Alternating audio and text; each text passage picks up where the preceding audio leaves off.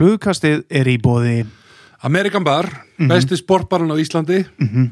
besti maturinn sem fáið á sportbar á Íslandi. Já, allur boltinn, handboltinn, fótboltinn ameríski boltinn, fucking cricket. Já, nefni flugukastið á barnum fáið 8 vangi og bjór á 1500 kall það er bara grín sko. Það er tjók Það er djók svo er það góða fólki í Erberg oh, þeir eru mættir aftur í flugkasteimið og hérna Mhm. Hafsteinn Steinur, það eru, það eru nuttækin, það eru túfti Mhm. undirföttin Mjúk. Og nuttbissurnar og, og bara allt sem þú vissir ekki að það vantaði sko.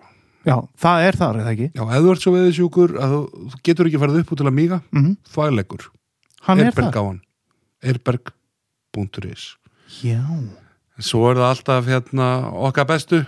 Að, Það eru einir að styrtar aðalar þáttarins. Mm það er veiðifélagið Nótum Nótum 17 17 og hérna nú er sá tími veðbúðum að Dóti fer svona trikla inn og Það er að koma nýja vörur. Það nýja fullta spennandi frá Sierra og Patagonia Mhm. Kortland og fleiri merkjum og Mhm. hérna og það verða alls konar nýjongar á flugubarnum í vor og endilega standuði baki á flugkastinu og, Mhm. og vesluði þessi góðu fyrirtæki. Já, og við hérna við ætlum að hanga í loftinu fram á vor. Mm -hmm. takk sér þeim. Þökk sér þeim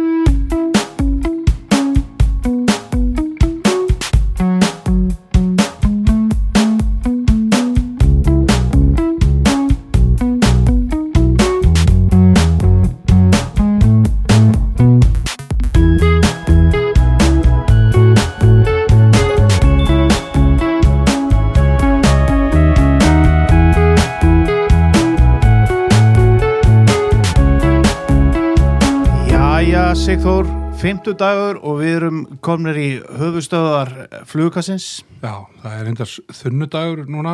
Já, þunnudagur hjá, hjá sumum en, en Já, ekki á mér sko.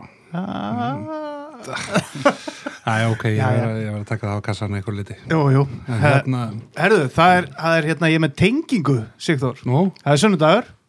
Það er ekki bara sunnudagur, heldur Super Bowl sunnudagur. Ok.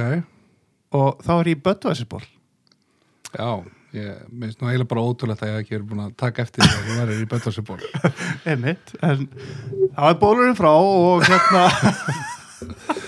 og við erum komin með góðan gest, Sigþór. Já, Þetta við er, þetta er með maður sem að hefur bara breytt til að veiði lífinu mínu þegar ég hérna byrja að veiða Þetta er maður í þínu lífi ég hafa bara stór áhrif að maður í mínu lífi sko.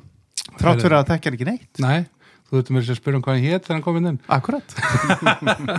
Aftur. Já.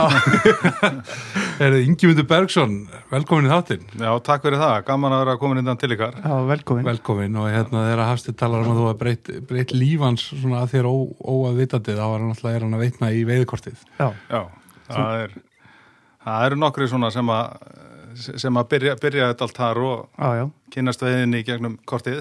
heldur betur En hvar kynntist þú veiðinni Já, fyrst? hvar byrjar geggjurinn? Við byrjum að byrjunni Heyrðu, geggjunni byrja bara sem polli pappi var náttúrulega mjög duglegur að fara eitthvað með mig í veiði og þannig að maður var svona svolítið mikið við, við bakkan og annarkot bara sullaði að leika sér en, þannig að þetta byrja svolítið þar að, og svo bara smá á, ágerist þetta. Já. gerist veikinn hvar hérna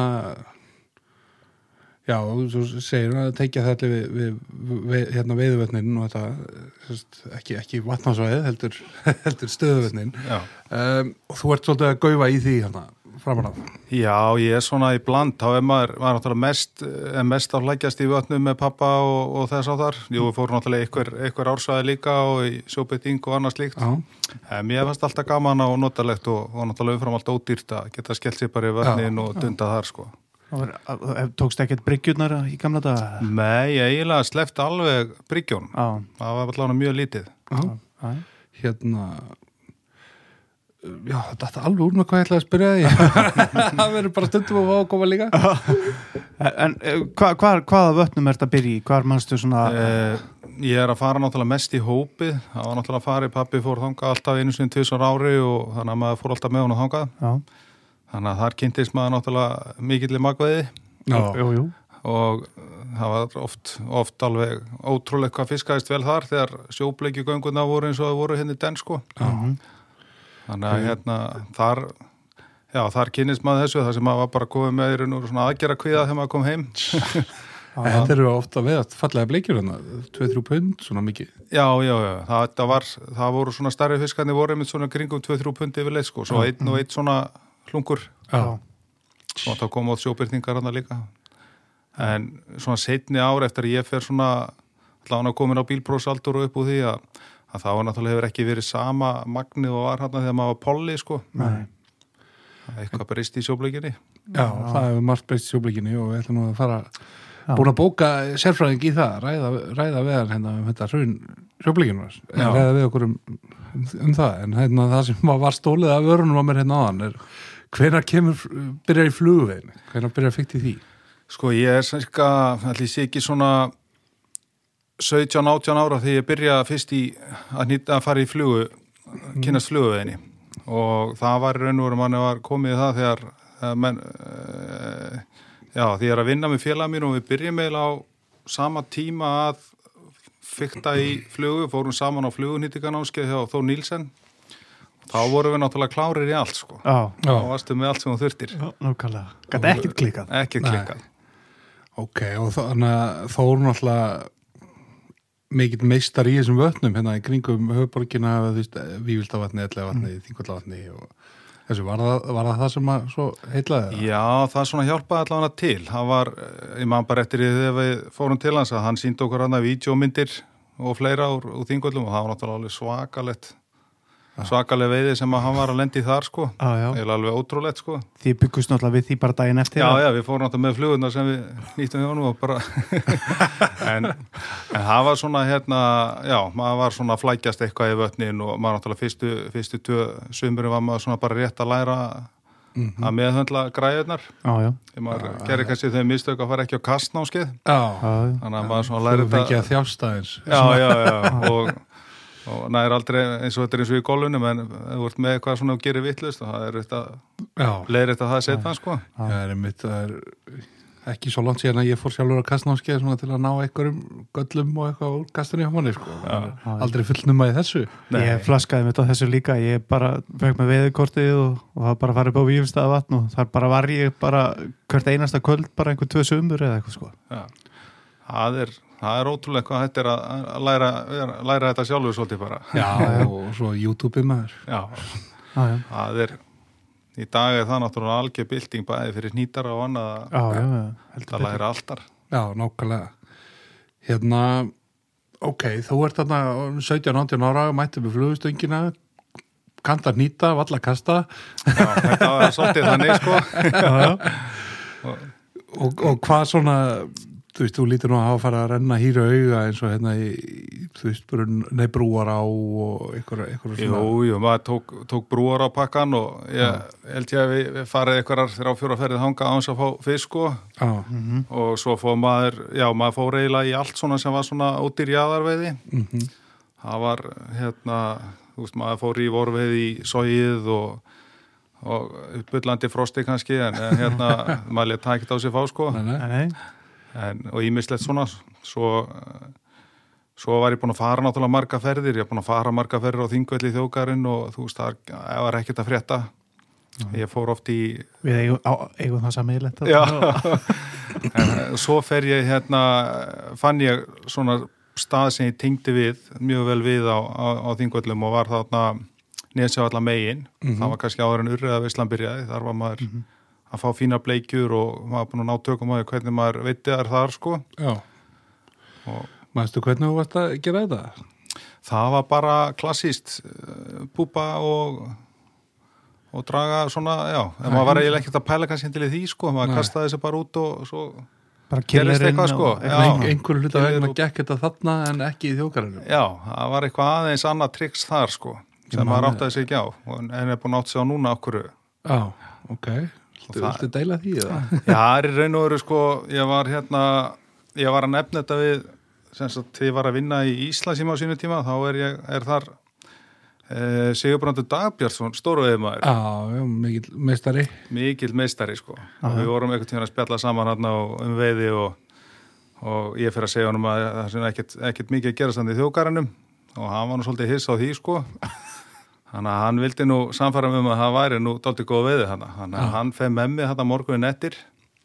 Það er einhvern veginn opnuðist bara dyrnar Já, Já. og sínda mig svona okkur ég var ekki að fá, fá fiska áður. Hefur verið þinn svona Mr. Miyagi hérna Það var svolítið þannig sko. Þannig að hann er hann með eiginlega- gjörsalega með svartabeltið í þessu algjörlega sko. Þannig að hann svona svolítið hérna með lærimistar í þessu sko. Hvernig, já, hvernig að draga þær upp úr þjókarinum sko. Og þið hefur gert þarna góða veiði þá Já, það var lengt í svaka, svaka veiði. Ég held að þetta verði náttúrulega bara tilulun sko, en, en það var, var það ekki það var það ekki sko. Það er alltaf þessi sömu sem eru hefnir Já, það er einmitt svolítið þannig sko. Það er, er sigurbrandi svolítið sterkur sko. Já, ég man að einhvern tíma var ég að veiða bara sem krakki á nesjaöllum sko, ég var svona að veiða en þá spún og, og á hérna flugur svona aðeins að byrja og þá var einhver kallan sem að segja sko að verður mjög betra að vera á nesjaöllamegin þegar bleikjar á nesjaöllamegin tekur spún en hún tekur ekki spún í þjóðgarannum Já, þetta er sigur. ég hef aldrei já, já, þú veist, ég segi þetta ekki dýra sko, en, en við vorum að fá bleikjur hérna á spún, sko, og það er ekkit veiðist ekkit vel á bleikju og nema kannski síla bleikju Já, á spún í þjókarinn Hugsalega er það því að sko bleikjan í þjókaranum er yfirleitt svona eitthvað í fæðu í, í raunkantum og annað slíkt meðan hún er í sandi þarna hinum megin sko. það bara geti vel verið, sko, Það er auðvitað eitthvað annað fæðu frambóð þarna á milli sko. alveg potið, sko já, Og það er ástæðan auðvitað fyrir að ég var alltaf að fá bleikjur hann að nesjalla megin áður en já, það er svona, já, þú verður búin að ná ná tökum á því já, það hefur verið eitthvað. En ég er svona í sjálfu sig þá hefur maður verið bara dundi sem maður er ekkert verið að veiða öll sumur hægri vinstri og, Nei. Og ekki svona kannski veiði nörd sem slíkt sko. Já, kannski komið, komið aðeins setna kannski en hérna jú, ég meina þú náttúrulega hittir hérna Kenny Sigurbrandi og var ekki rétt að þú veist, hann í eins og Grímsá og svo norður í Mjösveit og eitthvað svona Jú, hann reyndar hérna ekki norrið í Mjósveit, það var annar félagið minn sem drómið þangað áður en ég kynni Sigurbrandur í Núru. Þannig að ég var búinn að fara reyndar því ég hitti Sigurbrand, þá var ég búinn að fara hérna 2-3 ári í Mjósveitina. Já, Þá var náttúrulega bara veitt á, veitt á ström, hérna, á strömflugur og söklinur og skemmtilegt sko. skemmtileg veiði? Það var mjög skemmtileg veiði, sko. tökur og svona. Það var náttúrulega já. bara mjög skemmtileg, svolítið svona svolítið þungt að kasta. Já, það var ekki alveg sami, ekki sami, sama stemmingin og í, ekki saman léttleikin og núna? Nei, það var bara full vinna sko, já, Já, en oft, oft góð veiði vantalega algjörlega sko. Það var það er svona meira ána í þessu svona með lettari, lettari græjum og Já, og hvernig svona já, það byrja að koma hann svona upp úr kannski aldamótum, svona að vera einhver almenn breyting og einhver svona sérvitrikar hafi verið byrjað þessu fyrir Jóna Alsteinn og fleiri snillíkar já, já, já, það er, þetta var í raun og veru held ég eins og þegar ég fyrir fyrst í mjögsetina hvaða 1998 þá er þetta meira og minna held ég allir sem eru bara að veiða á söklinur og, og Já, það var bara aðferðin þannig sko ég man hann að hef ég ekki veit það var bara tín í 300 með 24 feta söktum og, hérna, og bara að vera að kasta þvert og, og strippa sko. Já, Já, það var aðeins, aðeins Smá breyst. breyting. Smá breyting sko. En þú sagði mér frá því hérna bara áhafri sögu þegar þú ert að byrja þærlega þarna í lagsa og maður sem heitir í gljúfur í húnaðarsýslu og, þú drókst það með þér hana Já, við hérna fórum félagarnir, ég og, og félagin minn, við fórum sem sagt svolítið tímalega norður Mm. og stoppum á fallet veður, við stoppum við gljúur og í húnaþing og þar hittum við fyrir veiðimann sem átti eftir að vera þar í þrjá daga, eða semst, hann var á fyrsta degi af þremur mm. Og það var búin að lappa ána og skegna hana og hann sagði bara það er ekki fiskur hérna. Brjálaður. hann var ekkit rosalega ánaður sko. þannig að hann fer svona, fer svona fiska eftir því hjá okkur hvert hann gæti sjálfur sér farið að veiða hann í nákvæðinu og hérna við tökum símtal á hólfríði og hvernig, hvernig staðan væri fyrir norðan svona árum við fyrir að loða bjarmin á okkur. Mm það var úr að hún gætt bóta ánum inn. Þannig að-. Já, það var akkurat lögstöng Já, já Þannig að það var úr að hann kemur hann upp yfir, fer inn í hús og fer að pakka og svo brunnar hann bara norður og við vorum aðeins búin að segja hann frá þessu til að, á svæðinu til að kveiki í honum. Þannig að hann var allavega hann að klári slæðin og ég myndi heyrði á honum allavega frá næstu fimm ára og eftir að hann, hann mætti þann upp yfir Já. en þetta var svona svolítið sérveitingum með það að hann var að veiða á bara yfirborna okkur að þurrflugur sko. Þannig eru þið ennþá, þannig eru þið ennþá með strimmerana og. Söglírunar og þannig að hann var að gera það svolítið öðru það sem hann var skrítið með að sá hann fisk sko, hann var að veiða bara svona þú veist, eitthvað að þrjá, max fjóra metra hann var bara að dunda sér Já. hann var ekki derfiðið þar sko Nei, hann hefur verið svona í þessum kannski veiði sem að, maður myndi sjá meir í dag þannig. algjörlega og, var, og að finna fiska hann var að fá mjög flotta fiska og skrítið að hann var að fá miklu stærri fiska. Það var eiginlega það sem kom okkur svolítið óvart. Þannig að þar sá maður svona stærstu fiskana þarna já, allavega í þessu holli sem við vorum að veiði hann á þinn tíma, þá voru, fannst manni stærstu fiskandi vera að detta í honum sko. Já. Já, ok. Þannig að þú hefur átt þarna ykkur ævintýr í mývarsveitinni og, og svona Já, þá ertu nú svona greinilega farin að hann að kosta þér nú smá pening að veiða og ferðalag og eitthvað. Svona farin að færa það upp á skaftið í veiðmennskunni Já, hann er maður aðeins en það var sko félagi minn, hann er hann úr sveitinni. Þannig að við vorum nú ekki í veiðihúsinu. Var, þannig að við vorum inn í, inn í hérna inn á laugum. Gistum þar, hann var bara að vakna snemma og brunnað, þá var ekki skilda að vera í húsinu sko, Nei, einmitt, þá voru menn í tjaldi og alls konar hann að allavega. hana Já, húsi kemur hann líka bara held ég, 98 eða eitthvað. Það var komið hús en það var ekki skilda Já, eða nema þá að kannski var að skilda en allavega við þurftum ekki að gera það. Það var ekki skildaður ykkur. Gæti verið sko. Já. en, en allavega ég held að það hef ekki verið skilda en það hefur sjálfsagt verið mjög þægilegt fyrir menn að vera í húsinu sko. Já, mannst eftir uh, Marjulagsjönum Já, ég man eftir honum. Það var í, það var í Langá, Já. Sem sagt fyrsti, fyrsti fiskurinn á, á fyrsti lagsin á maðk og það var nú ekkert mjög flókin aðgerð sko. Þá var ég bara í röðinni sko, það var von þrýr sem tókum hana. Á hvaða stað? Það var í, hvað, Kerstapafljóð? Nei, nei, herðu. Já, já, það er, jú, alltaf ekki verið Ja, Krokodíl Nei, það var hann að 79 minnum, ég bara, ég man ekki hvað Það er svo ofalega. Hvað þetta er það? Það er, það er bara stóluðu með nafni á staðnum í augnablikinu. Já. En allavega þá sáttu við bara hann í brekku og svo kallaði, kallaði gætin á næsti. svo var hann að, hérna, við vorum afgrætti þrýr hann, þetta var svona í fyrirtækja. það? Það var, ég held að það er alltaf ekki verið Hafsteinn, Já, súpegætt súpugætt. Svonur Ingva Ingva, já. Já, já, ekki ég. Nei, ekki það. Það er, ég held að lögregla að það hafi verið hann. Þetta, er, þetta var hvað, 97 eitthvað svo leiðis.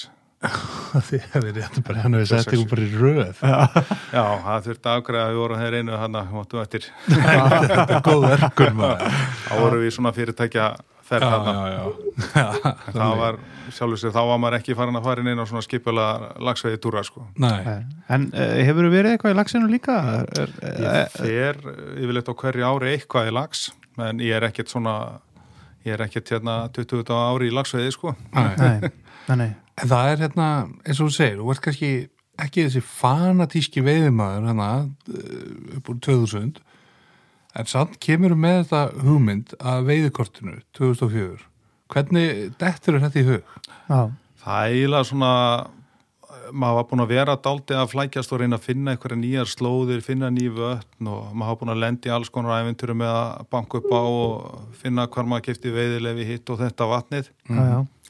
Þannig að einhvern veginn bara poppaði upp að það væri nú skynsalegt að eh, auðvelda upplýsingar af vötnunum, þannig að það væri svona þægilega vita hvert maður á allan að kaupa leifi. Mm Svo einhvern veginn þróast þetta í þetta að, að ramma þetta svolítið inn og búa til vörur úr þessu. Þetta er náttúrulega þegar þú fer erlendis þá kaupir oft í einhverju einu fylki eða héraði eða eitthvað bara af ríkinu, eitthvað, eitthvað veiðikort og mátt þá veiða alls það sko. Akkurat. Var þetta einhver, hefur eitthvað svona haft til fyrirmyndar? Nei, þetta, ég gerði það nú reyndar ekki. Þetta byrjaði, já, ég hugsaði þetta ekkert út frá því í sjálfu sér. Þetta var meira svona, svo var maður í einhverjum pælingum, þú veist, já, það væri nú gaman að bjóða upp á eitthvað svona einhverja dagstúra, það byrjaði eiginlega svolítið þar, sko, Mhm. og vera þá með einhverju þrjú vötn og, og svo einhvern veginn bara, þú veist, fóruðu yfir í þetta. Hvernig- Byrjaður á því eitthvað? Nei, ég byrjaði reyndar aldrei að því, það Nei, var eina, eina hugmyndum. hugmyndunum, Já, sko. já, Já. já. og þá í raun og veru svo bara einhvern veginn uh, kemur þetta svona út, sko. Ert þú einn með þetta bara svona til að byrja með? Er þetta þín Já. hugmynd og... Þetta er raun og bara mín hugmynd Hvað, almáttu hjálpið og svo hérna, já, svo bara byrjaði maður byrjaði maður að stilla upp einhverju, glæru sjóðu og Já. Já. Hvernig var þetta, þú veist, þegar þú ert að byrja að ringja í bændur og, og, og spyrjast fyrir á sangaði vötnum og svona, þú veist, þetta er náttúrulega alveg nýtt konsept og svona, höfðu menn strax trú á þessu? já, mest að furða hvað einhvern veginn menn eh, voru hrifnir á hugmyndinni Já. mm.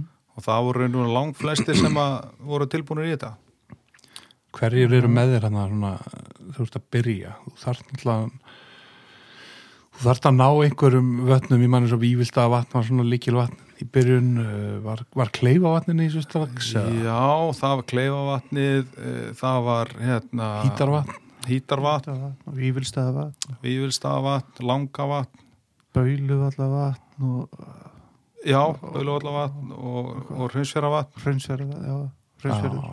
Þetta hefur svona verið kannski svona kjarnin og svo náttúrulega eitthvað svo þveit og var hópið í þessu strax í hópið byrjun? var strax í byrjun. Hópið var, já, og hefur verið Það var að eitt af hópið svona- er ennþá eða ekki? Nei, það datt út fyrir svona, já, hvað held ég ekki, er sex ár síðan Andskotinn. eitthvað sluðis.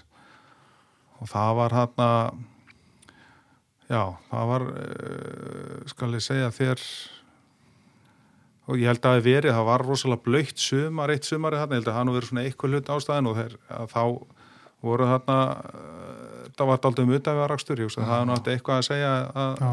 bendur hafa nú mislíka að þetta væri svona frjálst aðgengja að svæðinu, sko og sjálfsagt bara hérna fín lending að, að hjá þeim að hafi þetta bara þess að sá sem er með ána hafi vatni líka og er sér þá með allt sístemið. aðeim, Mm. aðeim.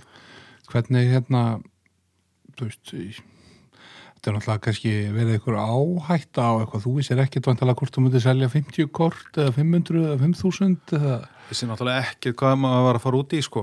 En hérna var hvernig, hvernig reiknar þið niður að þetta? Bara þú ert að tala við landegundur í hraunnsfyrði bara, heyrðu, er ég að fara að borga þeim hérna 20 skall eða, eða 2 miljonir, skilur veist hvað?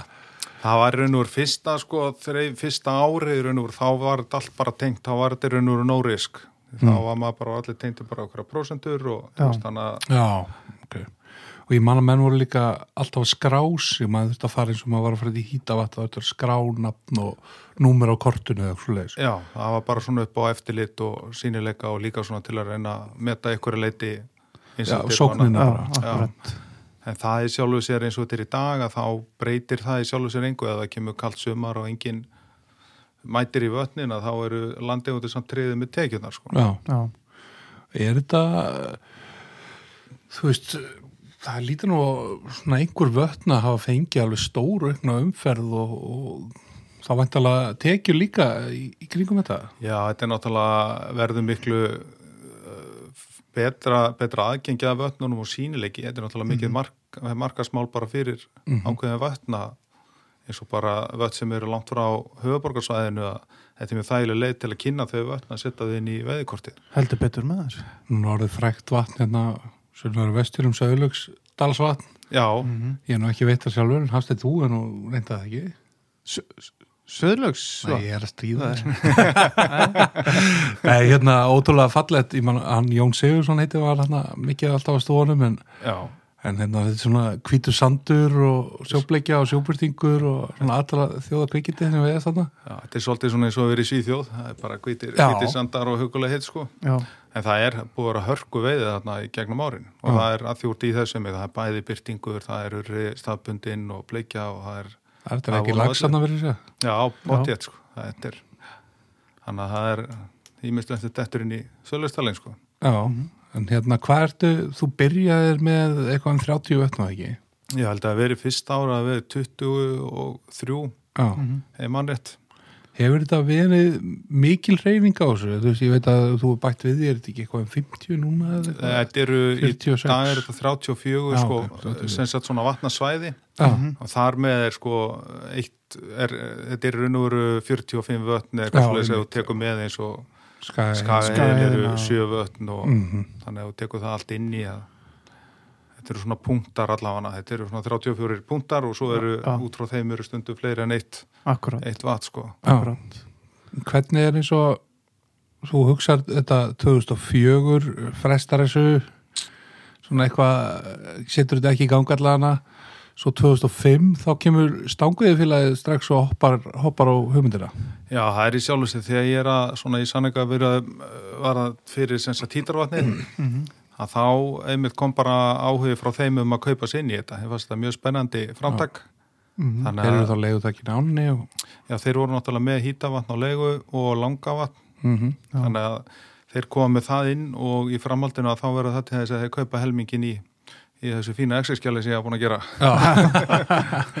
og þar með er þá, þú náttúrulega fastur inni með það að þetta verður að fara í loftið Já, þá var eiginlega, var maður, gatt maður ekkert fresta þessum ári eða svona eins og, eins og oft vil verða með góðar hugmyndir að það er bara, Já. það er draga svona eftir hvað er að gera hjá mönnum en þarna var komið þrýstingur á að klára þetta. mm En manstu svona hvað þú reiknaði með svona fyrsta árið að selja og manstu hvað þú seldir svo meira en þú reiknaði með? Uh, fyrsta árið var svona daldið, kannski, ég hafði náttúrulega mjög stóra væntingar og fyrsta árið var eiginlega svona rétt svona svip, það var svona aðeins undir væntingum. Ok, En það fer náttúrulega ekki lofti fyrir en bara í það farið í lofti bara í byrjun apríl eða eitthvað slíkt, það fór sérst mjög seint að stað.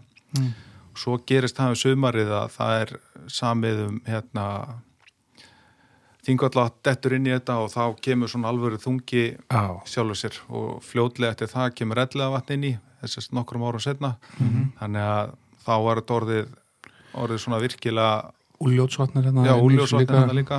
Þannig að þá komið með bara vívilstaðavatn, ellegavatn, þingvallavatn, úljótsvatn, kleifavatn, þú er svona búin að ramma bara inn, já, meðavelsvatn, Já. þessi svona veiðuvötni kringum massana fólkinu hérna. Já, þannig að maður horfið svolítið á þetta að, að þetta væri svona aðgengilegt Mm stutt frá þjóðvegi Mhm. og uh, það var svona eins og ég hugsaði mér þetta upp að fólk geti verið að þú ert að keira norður þá, er stutt í einhver vötn hvert sem ert að fara sko. ákallega og ef maður er fyrir norðan stutt í nokkur vötnarna í kring og, Já, og eins er austan líka og bara, það er eiginlega eini svona punkturinn sem er erfiður það, er, það vantar eiginlega bara vötn þú veist á Suðurlandi í sjálfu sér já, já, þannig að það er bara að fara að stípla og, og búa til vötn sko já, já. Það er nú einhver, það er náttúrulega eins og, eins og þveit, Já, þveit, þá ertu komin alveg hérna lengst austur. Lengst austur sko.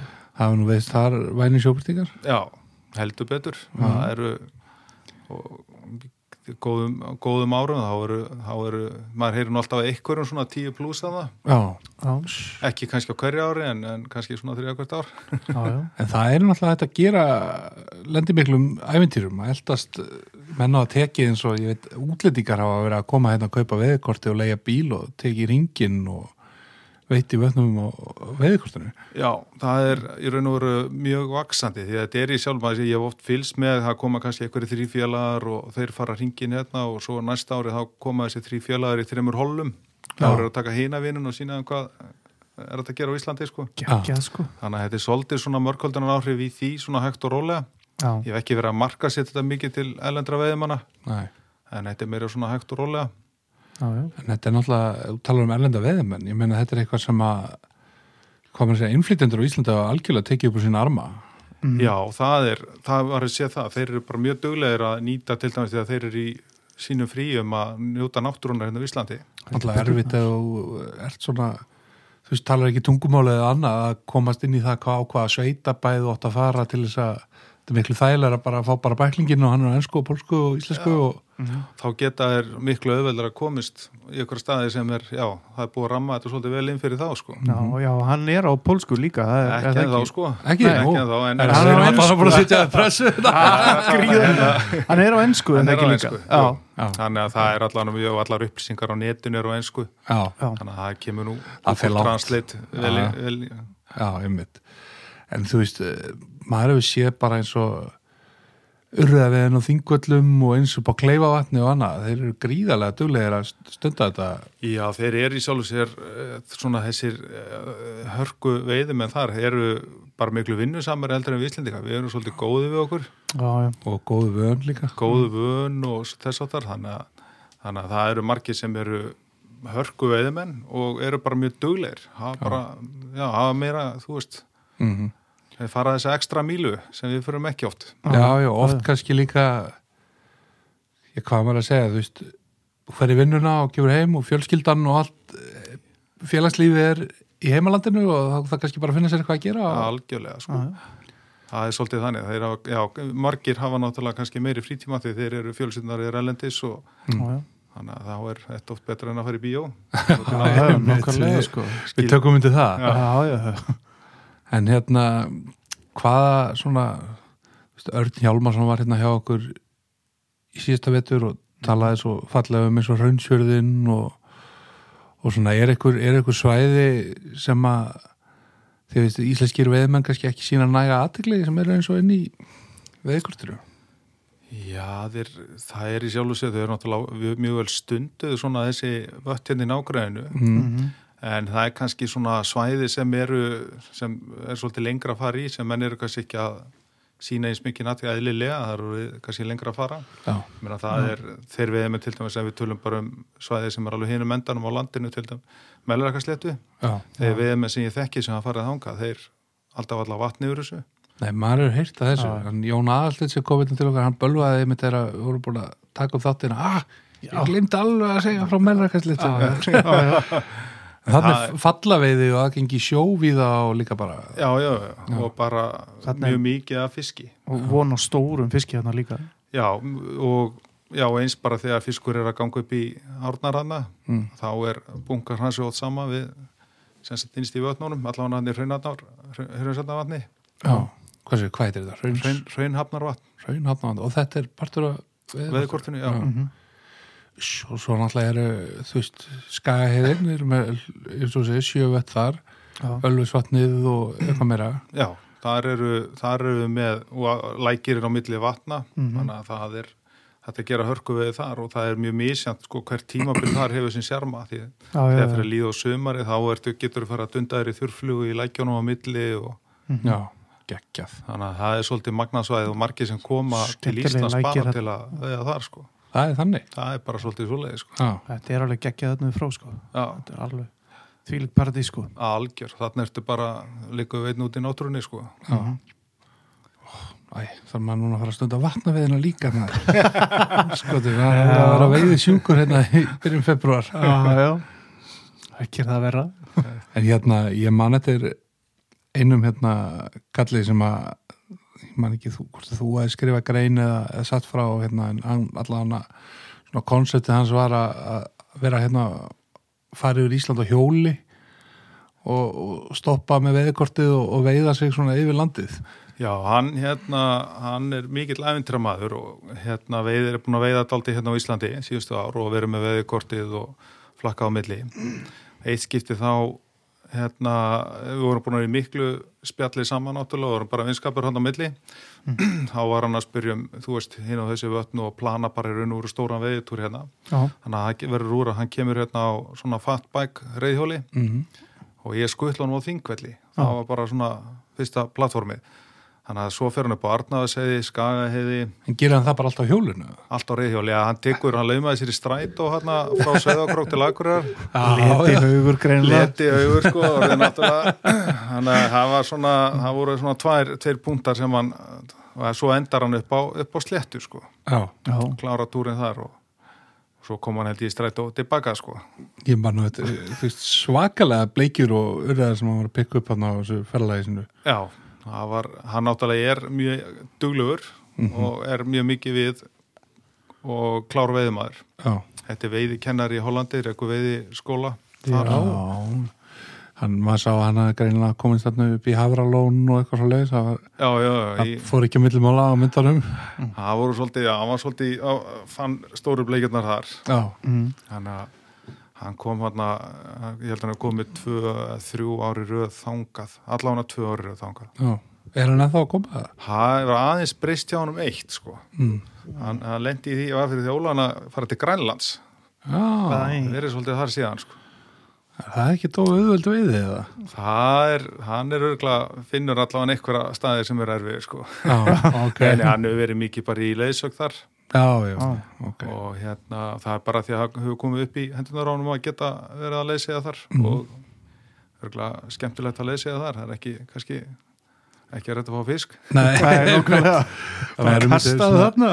hefur sagt, heyrt satt frá því þessum farið til Gallands þetta sé svona gaman fyrstu tvo tímana og Já, svo er þetta bara voða fallegt og eitthvað Já, ok, svo erum við fannir að leita svona eins og villótt verða sko, maður er nú svo sem lendi í því eins og í sjóbleikju mm. Frúin er frá siglu fyrir og við förum mikið þangað. Já. þannig að maður hefur stundum fengið að fara í fljóta á eða flókadalsá. Og það er svona hefur maður stundum lendi því að maður er fann að leita að stöðum sem að þannig eru lengi fiskur, ég ætla að prófa þetta.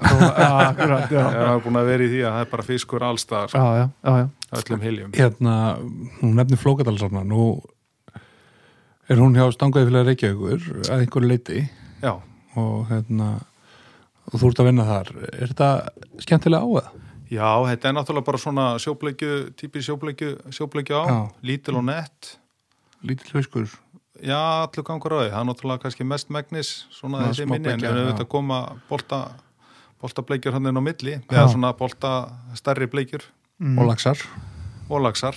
Og sama í fljótanur náttúrulega. Já, það er kannski aðeins stærri bleikjur á meðaltalega eða ekki? Það er, Jú, það er, það er sjálfsagt ég hugsa að sé nú kannski ekki ólíkt endur en það eru náttúrulega þarna misjæðni stopnar sem koma misjæðni tíma. Mm. Ég meina það geta komið göngur sem eru mestfengni svona starri fiskur en því er að tala um starri fiskur kannski tvekja punta eða? Já. Hefur ekki veitt í hérna hérnsjöri Jú, ég hef einu sinni, ég hef einu sinni veitt þar. Já, og þá fór ég sko, það, ég passa maður að fara rétt á en göngin opnuðu sko, þannig að Já, ég þetta hafa svolítið fyrir þessu sko. Já, ég fór hérna einu sinni þá, þá var sko búið að byggja göngir en það var ekki búið að opna þau. við fengum samt að keiri gegn og já, við tjöldum hérna félagarnir og ætlum að vera í ykkur að þrjá fjóra daga eða eitthvað. Svo ringdi svo svakalega um nóttina sko. Já, allt maður vaknar að allt blöytt. Allt bara, allir Já. bókin og áinn alltaf færandi fjandans náðum hann einhverjum 10-12 bleikjum eða eitthvað svo bara þurftu að flýja um siglufjörð fengum að fara í gegnum gaugin aftur og eða ég kortum við bara farið ég man það ekki sko. Hérna, þetta var, já, þetta var eiginlega algjör hillingur Þetta er, er mjög skemmtilegt að við þessum sjóbleikja ám hann þegar, þegar það er nóga fiski sko. já, mm. maður sér það oft ég, hérna, svo fór maður náttúrulega oft hérna í fjárðarána á Sigló. Já, þannig að þegar, uh, í dag er náttúrulega engöngu úlingar sem hefur veiða þar. Mm en það voru áður voru þetta bara tilmæli. Já. eins og það þurfa- stæðpallu tólagsir um það það þarf að vera reglur það bara. fyrir að vera reglur sko þannig að hérna, maður, að maður fór stundu þangað þú veist bara rétt svona skjótast þess að fá á daga sem maður var. Og það maður voru til lendi í ævindirlega veiði bara þar. Já, maður har heyrt að hérna já, það sé oft æfintilega veið þar. Mann getur bara veit að eins og er listi sko. Algjörlega. Og örgulega sama eins og inn í Ólasveravatni og, og ég þarna þessu svei Já, algjörlega, þetta er, þetta er paradís.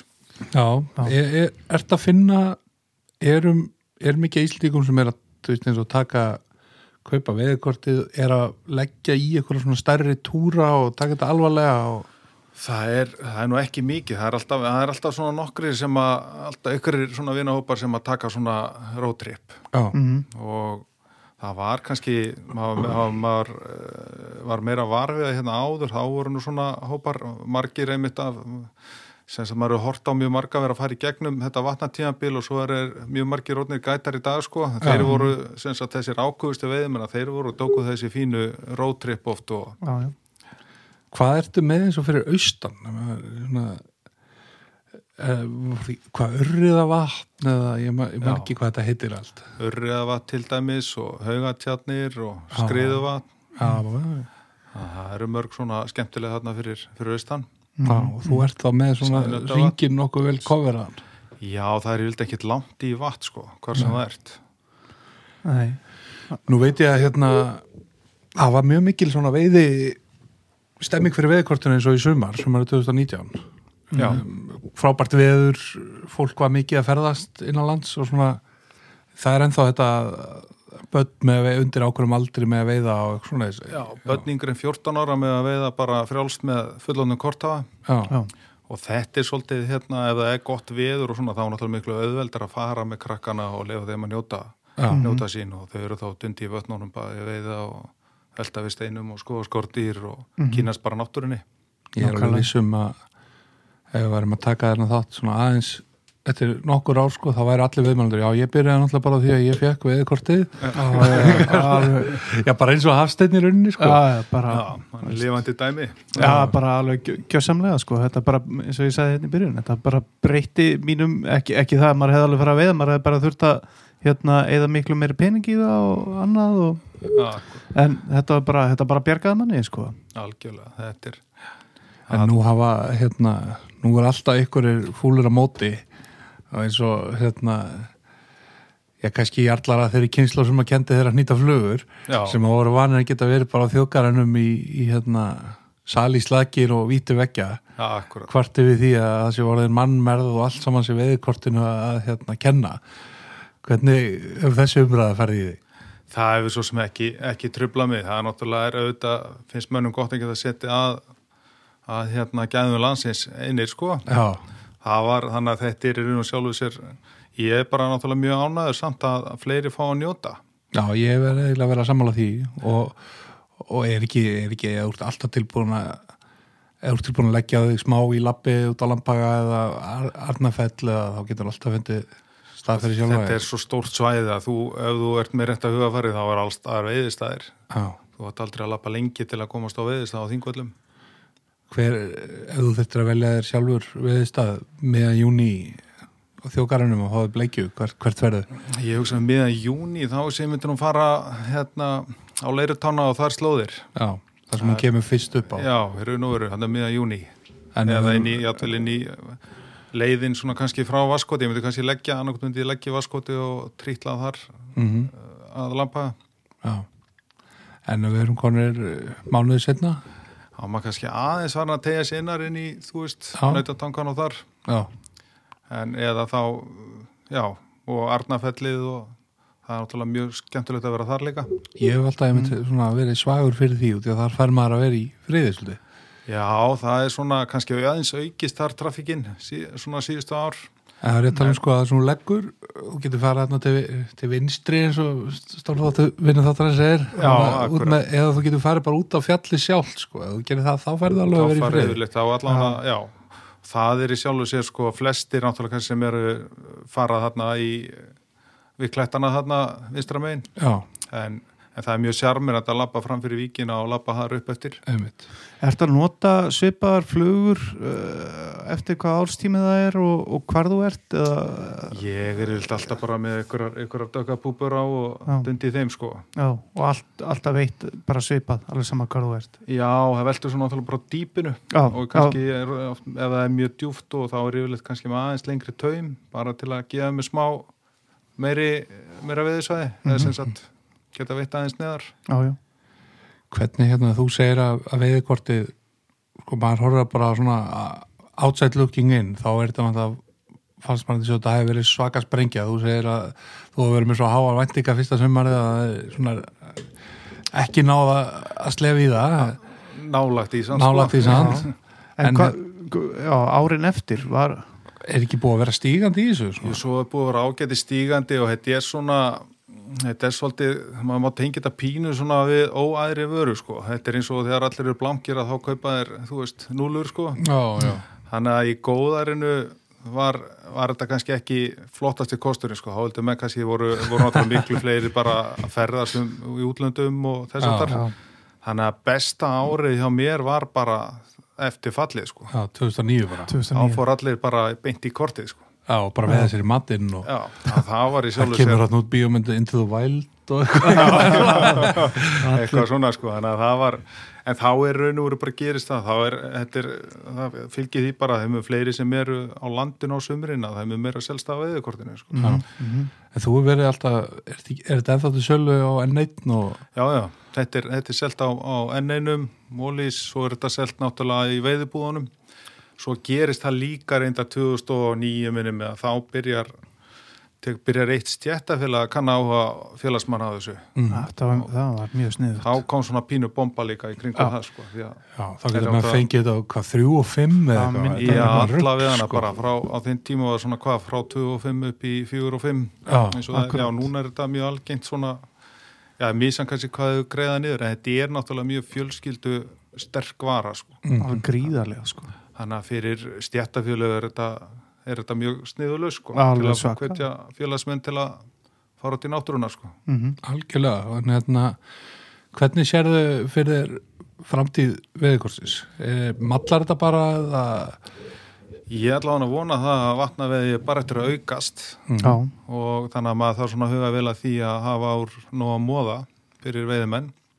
Já, og langar kannski að koma meir inn á svona hvað ég segja, betri bjóðu upp á kannski kastkjænslu við vötnin og vera með svona fleiri ívenda sem, að- sem að geta hjálpa veiðimennum og byrjandum að koma sér að stað. Frábært. Það er, frá, er þið frábært framtak sko. Það er svona allavega svona eitt af því sem svona kannski er, maður er svona að skoða núna Já. fyrir sumarið. En núna, hérna, eins og ég komin á það, þú er búin að vera að vinna í stang og núna eitthvað um tvö ár. Já, og svona, já, náttúrulega stang og helmingin í veðikortinu og kannski einhver bara ágætið samlegar áhrif að, fá þig bara hann inn á skrifstofana og, og, og þú ert þá að sinna sölumálum og, og bókaldi og bara allt múlíkt eins og, eins og menn er í svona litlu apparati. já, það er svo Uh, sal á veiðilöfum, það er heilt svona alls konar sögur af því að lagsveiðilöfum, dýrum veiðilöfum. Já, um, þetta er náttúrulega þetta er alveg andstæði pólar þegar það gengur vel að selja dýruveðilegin þá kannski gengur ekki eins vel að selja veðikortið og, og svo öfugt. Þú lítur að vera bjart, bjart síðan á sölu veðikortsins er kannski ekki bjartur á, á Jú, ég er eiginlega sko, ekki síða þetta er nú svona kannski pínu öðruvísi markkópur. Og horfður á dýru, dýru veiðilefin lagsveiðilefin til dæmis þá er dýrun og er í allt öðru markkóp heldur en eins og fyrir veiðikorti mm í veiðikortinu er dýrun og bara segja, 20% sem eru svona harðir veiðimenn sem eru að kaupa veiðikorti já, er sem sagt 20% af eins og nota kortið. Mm því svo er þetta bara fjölskyldu fólk sem er að fara ferðast um landið og njóta landsins. Já Mhm. við Og- bara hafa aðgengi að þessu og, Já, Já. og svo svipaði eins og líka sætta kort fyrir, fyrir flesta, þá er þetta svona samlegar áhrifin, það eru margir sem koma að og þannig að það er svona stæsti markkópurinn. já, En í lagsveðilegunum er þetta náttúrulega svolítið öðruvísi dæmi og kannski ekki endilega í samkettnu við veðikortið. Útlendingar uh, fyrirtæki nei en kannski ekki betið sangjarni en svona tíðarandin sveiflast svona þegar eins og varst að lýsa þegar þegar mikið góðari var þá var meir, fólk meir í lagsinum og svo þegar harnar á dalnum Já, þá, þá færa í- með sig aðeins yt- ytri tíman sko. já, En þetta er í sjálfu sig kannski að mestu leiti kannski útlendingar sem er að sækja þessi allar dýrustu tíma, Mhm. ég geta leitt sér það. En þó að Íslendingar hafi nú áttan markar svolítið hérna. Já í, á, á hæstu tindum Hæstu góðaris Já, svolítið Já. þannig. Hvernig er stemmingin að, hérna, að vinna við það að selja veðileg í dag? Eftir eftir sumarið alveg hræðilegt sumar. Það er svona að fara að halla aðeins undan fótfætti í hafæsturum og hvernig er- þetta lítur að vera aðeins erfiðar heldur en áður? Það er svo magna, við erum náttúrulega veiðimenn eru náttúrulega bjartsýns menn sko. Þó að síðast mm. ára hafi verið slæm sko Hann Þá er það- bara kannski frekar þetta í góða árunum Já, þá er það meira bara svona ávísun á frábært ára næsta ári Það getur hann ekki komið stöðu Það liðlega gerist ekki er hérna Það gerist ekki tvö ár í röð sko. sko Þannig að Nei, við sem að hefur svo sem alveg sann að segja það hefur ekki gerst svona tvö algjör hörmungar árið röð. Nei, þetta er, ég held að við hljótum að vera að fara inn í bara flott, flott ár næsta sem var í lagsinum. Mhm, mhm. Það er allavega svona allt sem bendir til þess. Já. Já, um, Stango er líka núna að byrja að selja eins og inn í norður á sem að þegar Jón Þór kom inn til okkar á talaðan um hérna, þetta honum finnist að norður á ætti að vera í- hjá Stango þetta er nú þetta svolítið koma svona heim sko. Komið hjartans á, já. já, svona svolítið stemming við því já. Já, það er gaman að geta búið allavega sem sagt félagsmennum upp á daga í Norrá. og eru félagsmenn Stango ennþá að tengja við norður á er, Já, það er, það er klárt að menn eru búin að náttúrulega fara í Norður á gegnum tíðina og margir sem, sagt, sem að hafa átt að marga góða stundir og vilja í að kynnin. Mhm. En þeir eru komið með þess að efrasvæðið, það ekki, fjallið? Við erum, í, raun og veru ekki konið með svæði, heldur við erum búin að bjóða upp á ákveðna daga, Já, svona tíma sem hefur henda yfirleitt mjög vel félagsmönnum, þar sem þú ert konar að fara í kannski, þú ert með hús þar til dæmis, mm. svona minna, minna hús og, þetta er þryggja stáka self-catering já, pakki þetta er svona, svona svolítið akkurat það sem að kannski ætti að vera kjarnin í starfsemi félagsins. Vinsælustu svæðin, ég meina það hefur verið um sem sagt eins og bara gljúfur á til dæmis, það er á sem að með self-catering og Mhm. það er eitthvað sem er gríðarlega eftirspöðn eftir. Svona hefur kannski svolítið harn á dalnum með þetta. Þú veist, það náttúrulega dettur út þarna eins og andakilsáin bara þurkast út á einu bretti og Mhm. þó að það er nú er eitthvað tilruna veið henni í sumar en Var gerði einhver tilhörun í sumar? já, þú veist, það er ekkert til sölu sko, Nei en hérna svo náttúrulega líka fáskrúð dettur út og og svo náttúrulega soksvæðin og stóra lagsá og svona, það, það lítur að vera svona kannski eftirspurn eftir self-catering lagsveiði fyrir alveg félagsmenn klálega sko. svo náttúrulega það sem við erum náttúrulega glíma svolítið við líka, það er þessi vendunamál og annað, það er náttúrulega mjög margi veiðum sem að fara bara í sinn túr með sínum, sínum félögum og eru vanir að veiða bara á maðk og mm. veist, það hefur allt áhrif líka mm þeir náttúrulega tóku stórt skref eða stjórnum tóku stórt skref í haust að sástarfi við, hérna vístamenn að breyta veðreglum í alleðanum setja bara fluga og bara veitt og sleft Já. hvernig hafa viðtökur félagsmanna verið við því?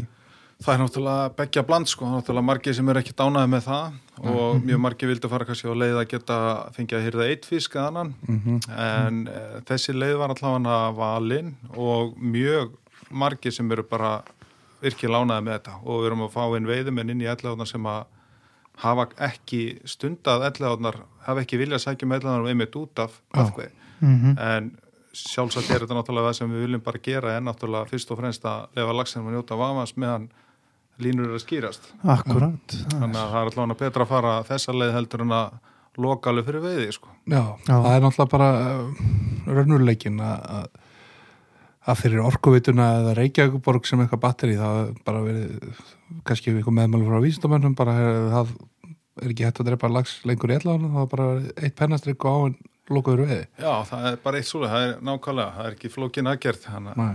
Þannig að við allavega svona þetta er allavega tilhörn og við sjáum hvernig, hvernig hlutni verður að ganga henni í sumar Mm -hmm. og á sama tíma er, eru við í raun og veru konni með leirvós á Já, og þar verður veitt þar má við á maðk þannig að það Mhm. kemur inn á sama tíma þannig að þeir sem að virkilega ganga fyrir því að vilja veiða sína fiska til að geta eldað og vel skilalegt og sett í reik og annað þá er, Mhm. þá er allavega stopnið þar betur í stakk búin til að, til að taka úr honum sko. Mhm. og, er, og náttúrulega korpa líka Já, og korpa náttúrulega líka. og er veitt á maðk allt tímabilið þannig að þessum máma Já, ekki í september.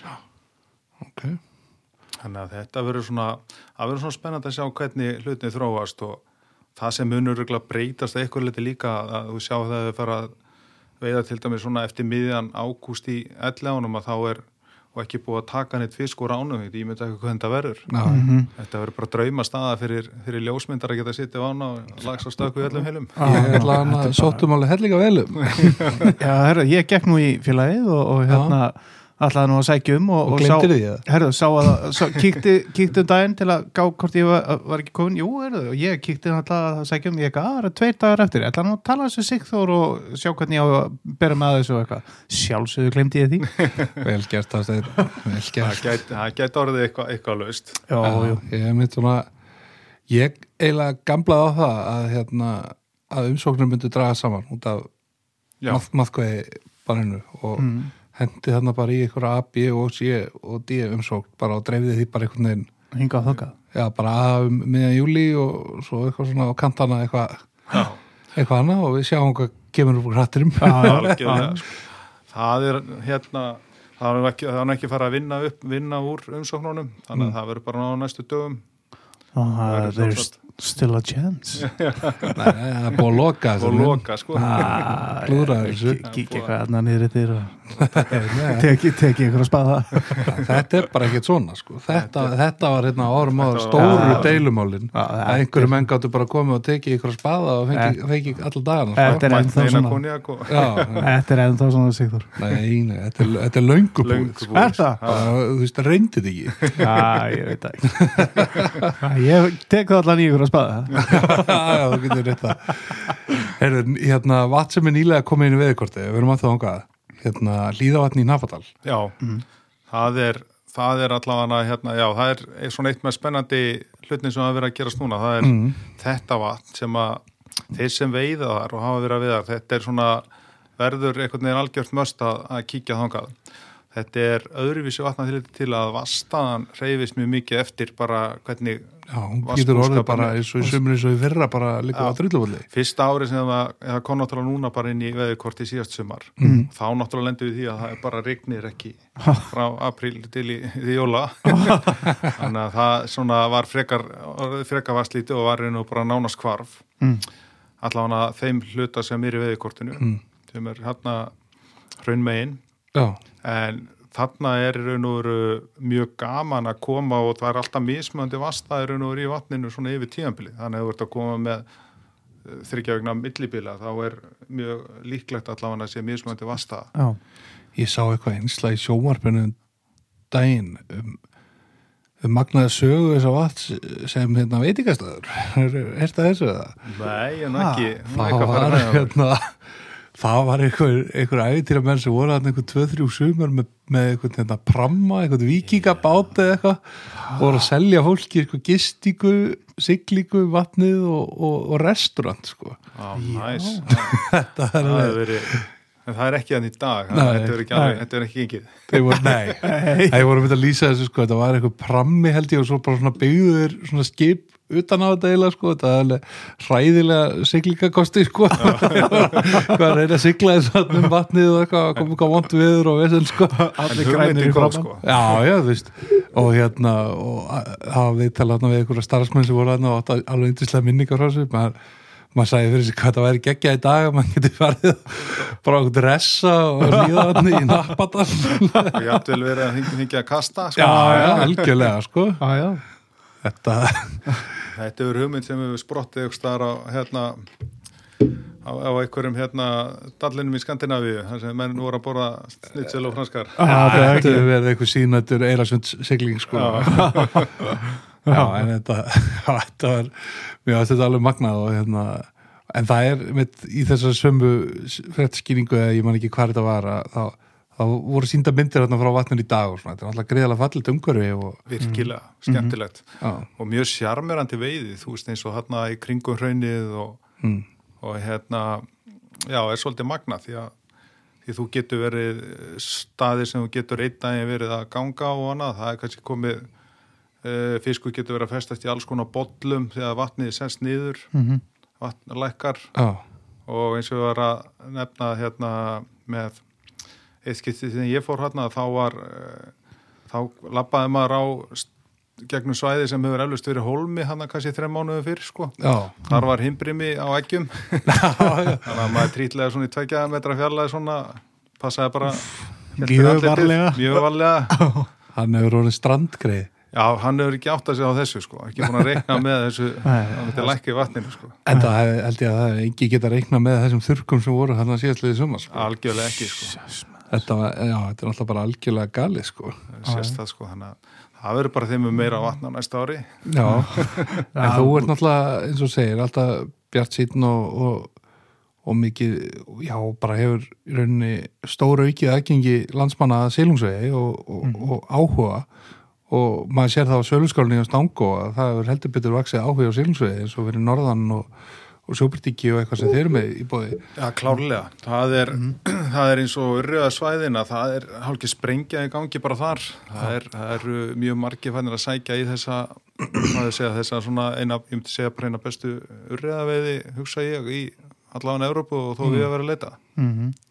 Já, þetta, já, það var leðilegt að missa út þarna svæðin neðan virkjuna núna. Ég held Já, að það, hefði já. getað tekið svona við overflóin allavega. Já, það er vantarlega geta, Og gerir það Geta vonandi, hversu sem er að selja það? Já, það er, það kemur mér ekki óvart að, menn náttúrulega það eru fullt af svæðum þarna með, en, en það er einhvern veginn með sko mjög og lagsáttalinn, það hefur náttúrulega einstakar sjarma Já, algjörlega. og þá ert að detta náttúrulega inn í það stór svæð að þú ert að róturast á milli Mhm. og ert að, já, eða miklu fleiri staði við höfum aðeins drepið á þessu í þessum þáttum Já, hefur, eitthvað, hefur þetta verið rætt? það eitthvað aðeins rætt að, já, já, þetta er okkur að kenna.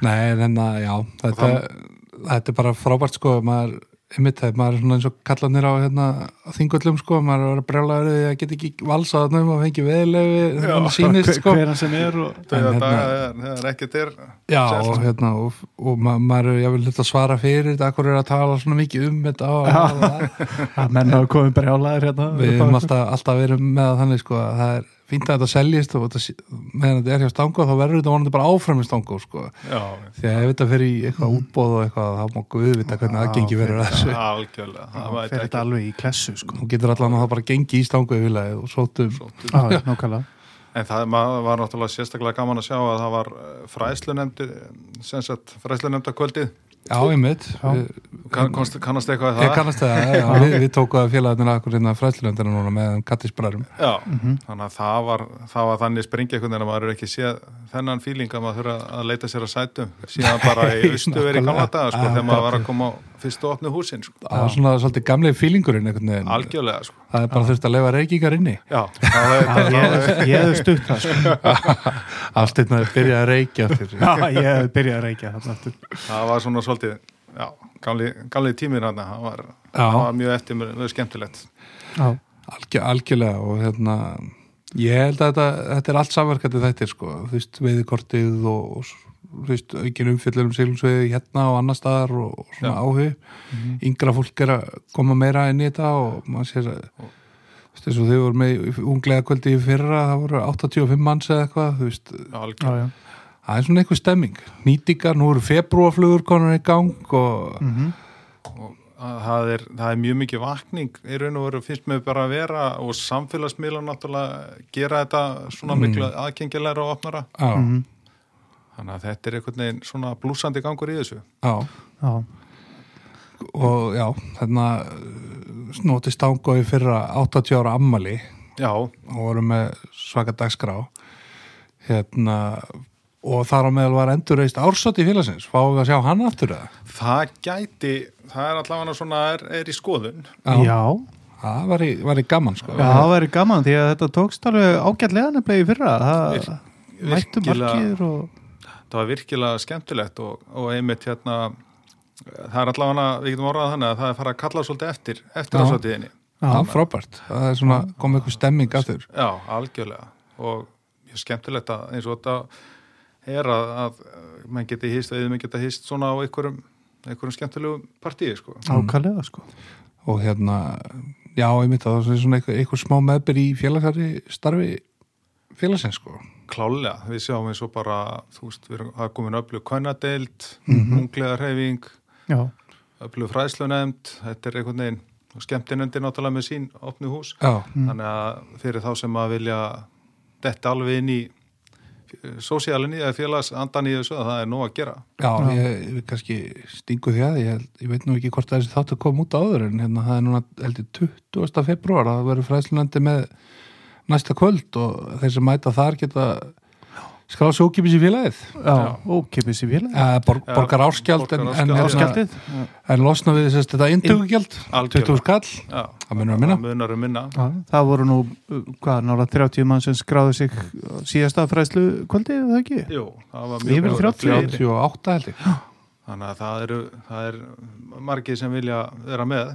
Já, og svo náttúrulega líka það var einmitt einhverju sem höfðu orðað því sem voru að skrá sig að hérna, þeir var að skrá sig út af því að það væri búið að taka orminur elleðanum sko. Já, ég meina það er margir. klálega, þannig að það kemur á móti þú veist, einhver, einhverju kannski sem hætta en, en það kom bara aðrir í staðin auðvitað verður svona, er, er þetta orðið svona kannski meira, ef þú ert að fara að veiða á flug í elleganum, þá náttúrulega er eh, miklu erfiðar að kannski að koma að stað sem búið að vera að matka í marga daga og þú þarf að fara að renna einhverju nettum nettur í hits yfir. það er náttúrulega ekki sækjalt að, að að krefja ykkur pólitíska hérna, yfirlýsing út úr starfsmanni Nei, já, á plani. en hérna, þú veist, maður lítur nú samt að horfa til þess hvernig þróunin hefur verið í sportinu að hérna, þetta endar alltaf í fluguveginni og svo endarum við að sleppa sko. það er bara spurning hversu langan tíma þetta ferður tekur sko. Já, Já, meðan allavega svona trendlanið er svona í, auðvitað er þetta ekki gert bara upp á eitthvað þetta er ekki bara púritana hátur Nei, þetta er gert bara fyrir, við erum að hugsa, setja, við erum að setja lagsin í fyrsta seti og já, ykkur er rauninni sett stóðlum fyrir dittna með þetta. Algjörlega. já, já, þetta Við breytum svo allavega ekki hér. nei, nei, Nei, nei, en það gaman kannski að snerta á umræðinu, þú veist, oft svona verður umræðan þú veist, maður sér eins og samfélagsmiðlum svolítið bara svona anskotast djöfusins og menn, þú veist ég er aldrei einhverjum öðrum en þeir sem eru ánæði með þetta sko, þeir sem eru já. óanæðir eru svona í sínu hotni, þannig að það er kannski ágætt að koma fleiri sjónum með maður og ég get náttúrulega alveg skilið það ef að þú ert búin að vera í stangveiði félaginu alla æfi og, og, og bara ólst upp í það alla æfi að veiða á maðk og, og hérna farið í ellið átnar með barnabötnin og sótt inn að lagsa og eitthvað, þetta sé smá hög Það er sjálfsögðu. Það eru margir sem fara mitt bara, er- eru bara að fara kannski einn, einn, tvo dagsparta í ellegaðnar og veiða sína fiska til að elda og annar í reik og einn í... já, já. Já, En gefum okkur það kannski eftir tvö ári eða eitthvað og þá verður nú kannski hægt að taka einn í kvota eða þetta eitthvað. er því miður bara lengra í prósess það er bara til þess að fá einn ring erum við að tala um fjögur, fimm ár Já, sko. já, reyndar. Þannig að þetta er ekki, þetta er ekki alveg svona nei. dæmi sko. Gefum okkur það eftir sex ár, má taka kannski. En það er allavega stutt að fara þá eitthvað annað og ná, ná sér í hans sko. já, já, vissulega. Já, vissulega. það er Menn að- ekki endilega að vera í elli ánum til að maðka upp korpa sko. og, og legur. svo líka bara þetta læra á flugu, veið á flugu þetta er engin gemvísindi sko sem að sá með tekur umræði sko, hvað með börnin sko, þetta er ekki það er alls konar litlar 7-8 fetta stangir og e, þau geta alveg kastað þessu sko Já, Já, ég- klálega. Var Standard. svona gæt með stelpu upp í kjarra og hún var 5 eða 6 ára. Já, hún fikk eitthvað 12-14 lagsa á þremmi dögum. Hún var þetta með eina stöng. En hérna, voru með okkur svæðir þetta en hérna, já já, það var ekkert málmaður hún, veitar, hún kastaði eins og herfóringi og svo þegar hún búin að sitja í lagsin þá rétt hún mér stöngina og þegar hún var að fara upp í bílana í rótaran sko. já, já, það var spennandi ekki. Sko flestir heldur þetta að vera öfugt að ég var að kasta sko og svo myndi ég rétta henni stöngina það var ekkert Það var svolítið, hún, hún veiti ég þurfti að hýfa inn og svo hún getur rótað sko. Náttúrulega stemmingin sko. Já, já. það var alveg yndislegt og hérna, já bara vonandi að hún sé ykkur ennþá að veiða þessi stelpa og hörku já. Fá manna alveg kannski hérna til okkar. já, bara klálega, hún er ekki há í loftinu en Já, já. hérna, einhvern tímann Já. Herðu, hvar varst að veiða í sumar, Ígmundur? Hvert ferðu nú- svona til að fá fróið? Þú ert náttúrulega bundin yfir yfir veiði og all, eh, hérna, maður er náttúrulega í þessu alla dag og maður er nú er hann miklu róleri hvað sem maður er mjög rólegu skeiði þannig sé í veiðinu, við veist bara notalega því geta farið skotist eitthvað. Og síðust ár hefur maður verið að fara eitthvað eitt túr í langa og eitt túr eitthvað, eitthvað svona uh, ég farið stundum upp á heiði svolítið. Mm -hmm. Uh, svo hefur maður verið í einhverjum svona skotúrum í vatnaveðinu en ekki, ekkert svona ekki mikið í, í lagsveðinni Nei, Ég sk- ákvað að skjótast í síðasta sumar í sóið og var svona trist á það að það var í að springa út. Já, Já, en það náttúrulega, þá hittum við náttúrulega rólega árið sko, en það verður, verður væntalega, nei ég er að vonast til að það verður gott meðalsumar næsta sumar. Já. þá geti, getur hlutinni farið í gang aftur þar. Ég var ymmit svona ára, svo sé nú ekki alveg bara blásaði upp stákaði fyrir svo sé ykkur tvekkjandi með auðlýsingina en hérna við höfum nú verið gaggrinir á það líka. Jú, en jú. hérna ég hjó eftir eins og til dæmis í söluskránni bílsvellið verðin þar eru náttúrulega bara hafa lækkað og eru bara fárálega Já. bara stutt frá bænum og fínt veiðús og Algjörlega, þetta er í sjálfur sem verði er bara miðað við eins og miðað að veiðin hefur verið mjög leið, það kom mjög góð veiðið þarna 2018 Mhm. eða svona, já, allavega merkjum góðan vöxt. Já, og uh, þá, sérst veiðilinn hafa bara verið vel að miðað við að sé nánast engi veiði. En, en hérna flott hús, frábært svæði. Já, já. bara, Ég- ég, ég kann eina sem að mætti vera meiri fiskur sko. Mm. upp á, en það er skonandi dettur hann inn núna næsta sumar mm Já. ég meina til að maður sá nú samt ykkur að kalla þú veist og ykkur að snappara sem voru að fara þarna Algjörlega. og það var, voru að fá fiska Já, sko já. og fína bleikjur þarna náttúrulega líka Já. og volta bleikjur og, og það er, þetta er náttúrulega eru þarna ákveðni staðir sem þeir sem þekkja vel til þarna geta Mm. verið að lendi í hörkuveði geggjaði staður hérna Sakkarholmi og Mhm. Garðarnir og þetta ég, algjörlega ég er nú bara einu sinni fengilags þarna þetta en það var líka Já. bara al- algjörlega geggjað. Það var, ég man nú ekki hvað það heitir en, en hérna, svaka ströymur maður og stemming. Já, Já, þetta er, þetta er virkilega vatn. nýkengin lags 10. júli held ég. Pæng bara. Já, geggjað sko. Þetta er, það er allavega annars mjög góð stórlags á von þetta já, Mm, já, og já, svo það náttúrulega. Já. já, er Þarna bara getur alltaf leynst inn í átján átján punda laxar þarna Já, já, og 17 buta og 17 punda. Þess vegna sko.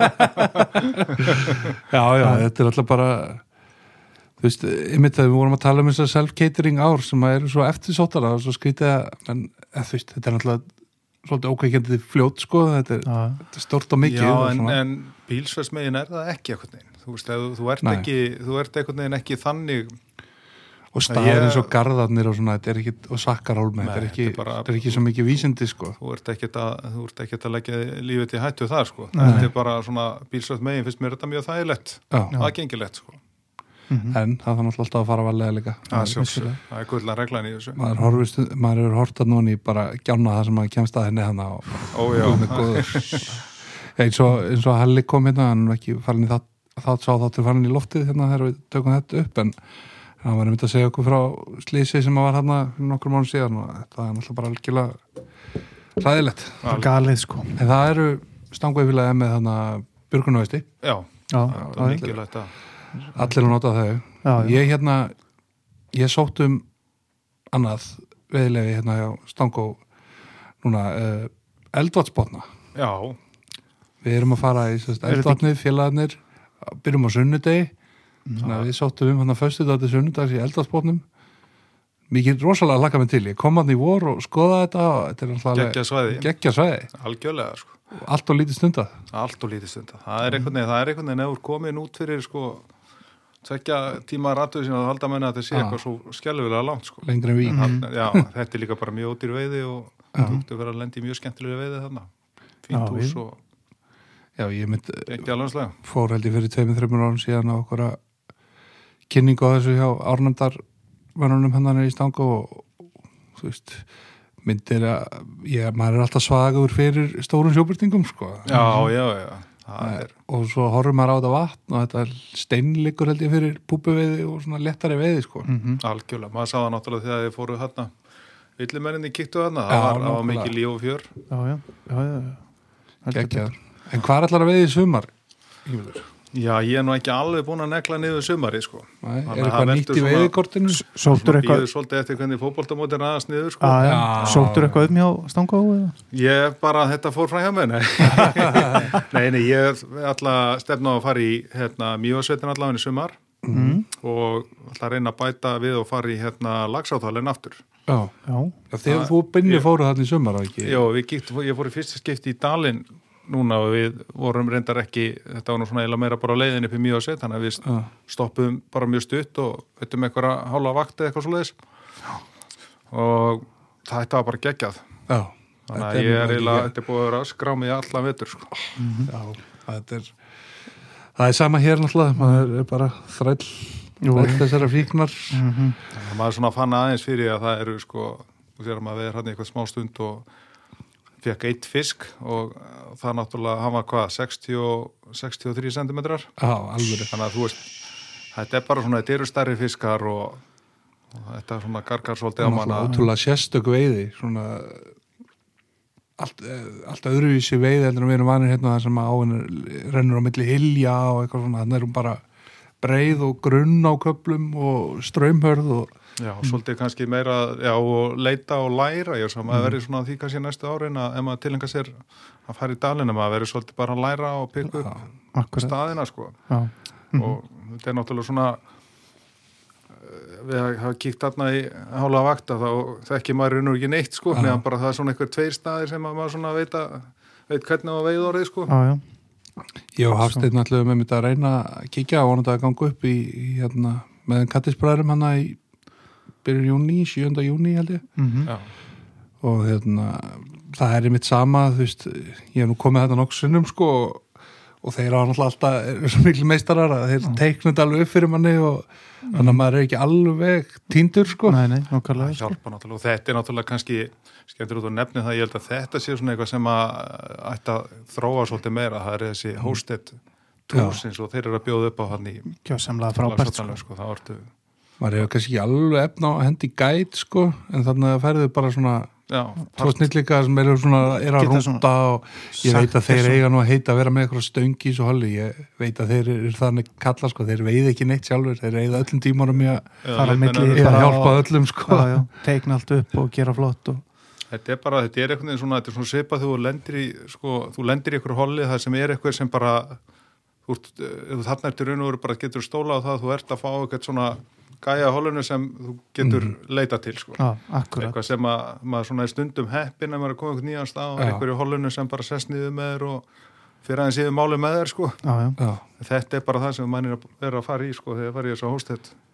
ég bara sko. nefnt hérna þessi, þessi lag sem ég fekk í sóginu það var einmitt nákvæmlega svona ég og Bjarni félagi minn voru með eina stöng og svo var hann hérna Kjartan Antonsson, hérna seldu bóndi hann var á að þetta. ég þekkt hann ekki neitt sko og hérna var bara að hitta hann í fyrsta skipti.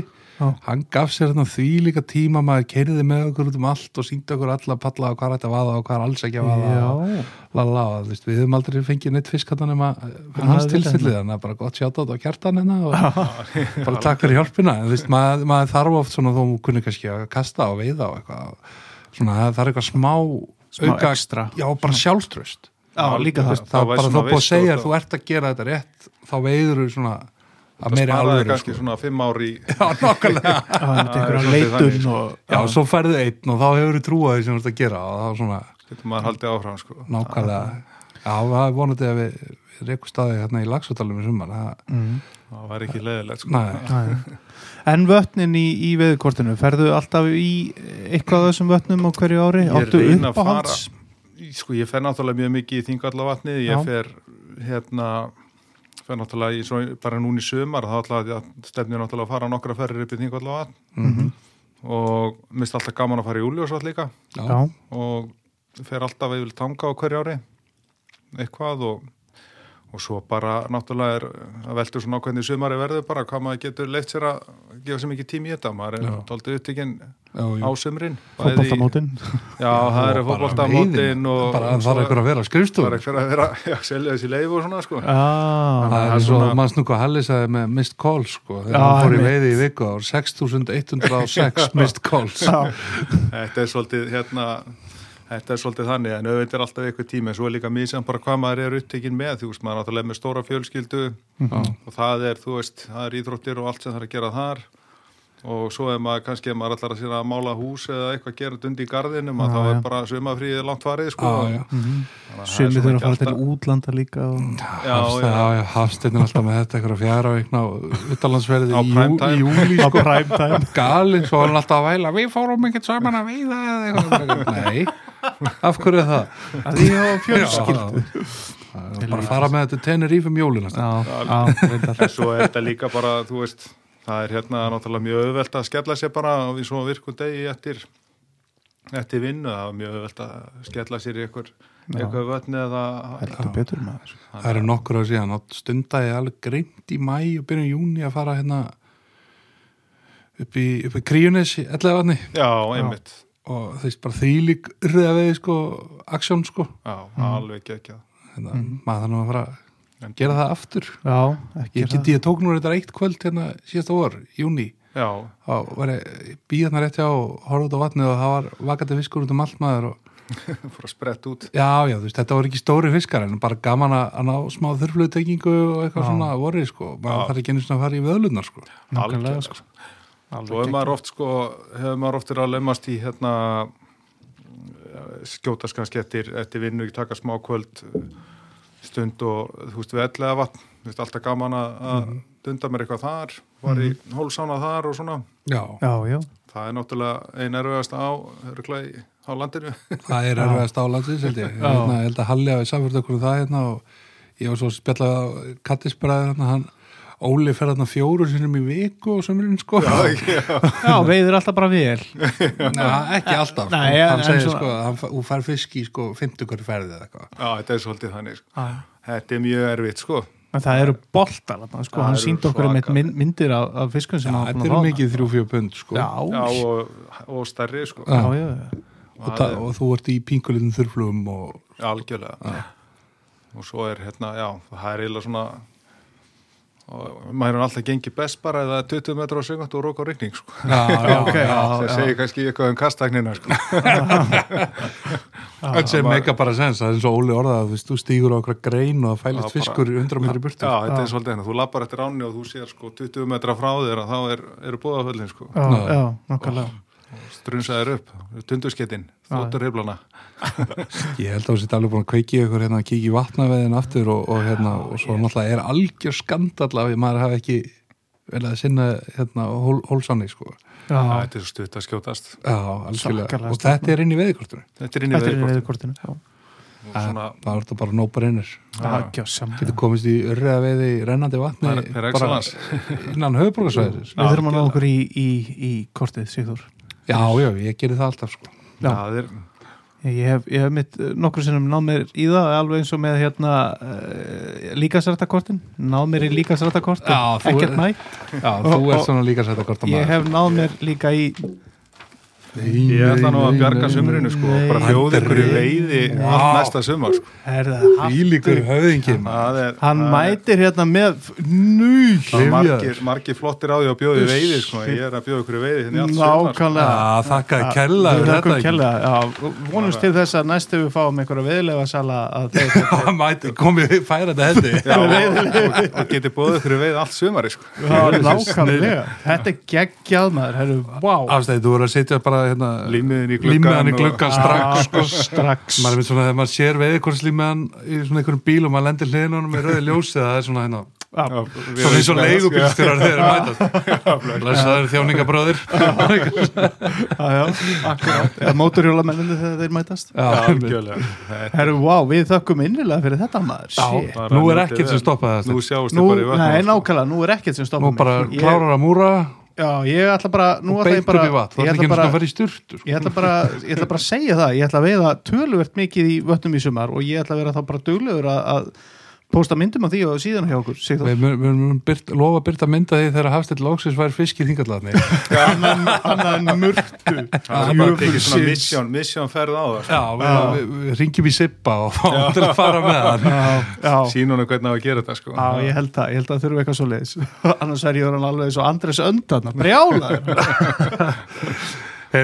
við nefndum við þig hérna eins og alla veiðilæð og það var mikill hausverkur þú, þú greinilega hlustar mikið það er mörg lög á listanum þér. allavega sko. Þetta er fyrsta skiptið sem að þetta var bara erfitt Já, það var Það var- bara, þetta var hann var mjög ekki að hafa sko. þetta sko það var bara veiði playlistin og bara skrolla fram og tilbaka Já, en Þetta var hérna, það var, það var svo flottu playlisti sem að, að byrju heilaði minn hendi saman á, þegar vorum á leiðinni leiðinni norður í fyrra og sá listi er búin að vera bara on hjá okkur sko, á síðan þá sko, já.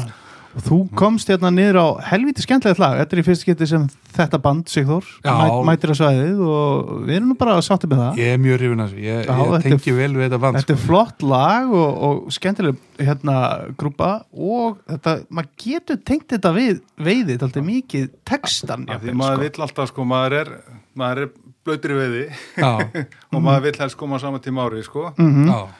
Þannig að það er, þá er ég ekki að meina sko, blöytur blöytur í veiði, heldur þú, þú blotnar því þú ferði í veiði og Já, þetta var að djána sko. þetta er allavega blöður allavega blöytur sko. Já.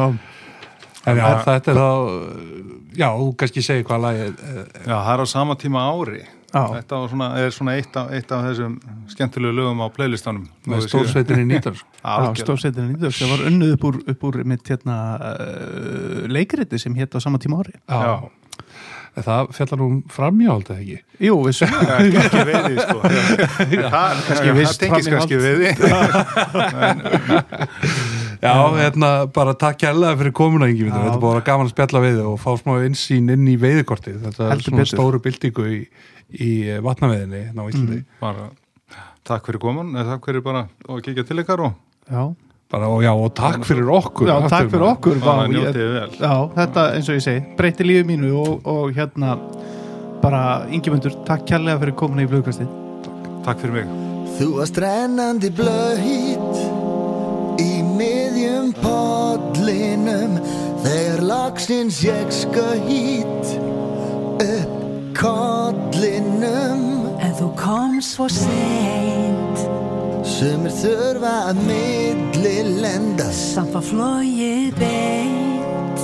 Velkomin á leiðar enda mikið var það gott að þú skildir koma mikið var það gott að þú gast tekið á móti mér?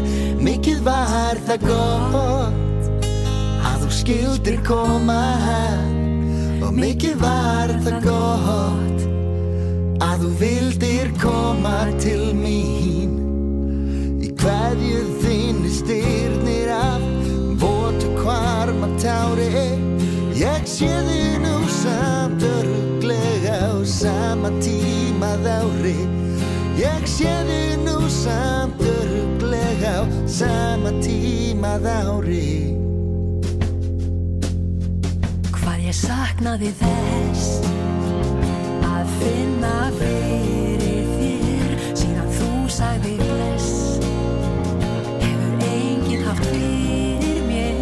En það er ekki svo langt Síðan ég kom hér síðast. Kannski finnst ég rátt Að vera á gestri slinna nýðast mingir vann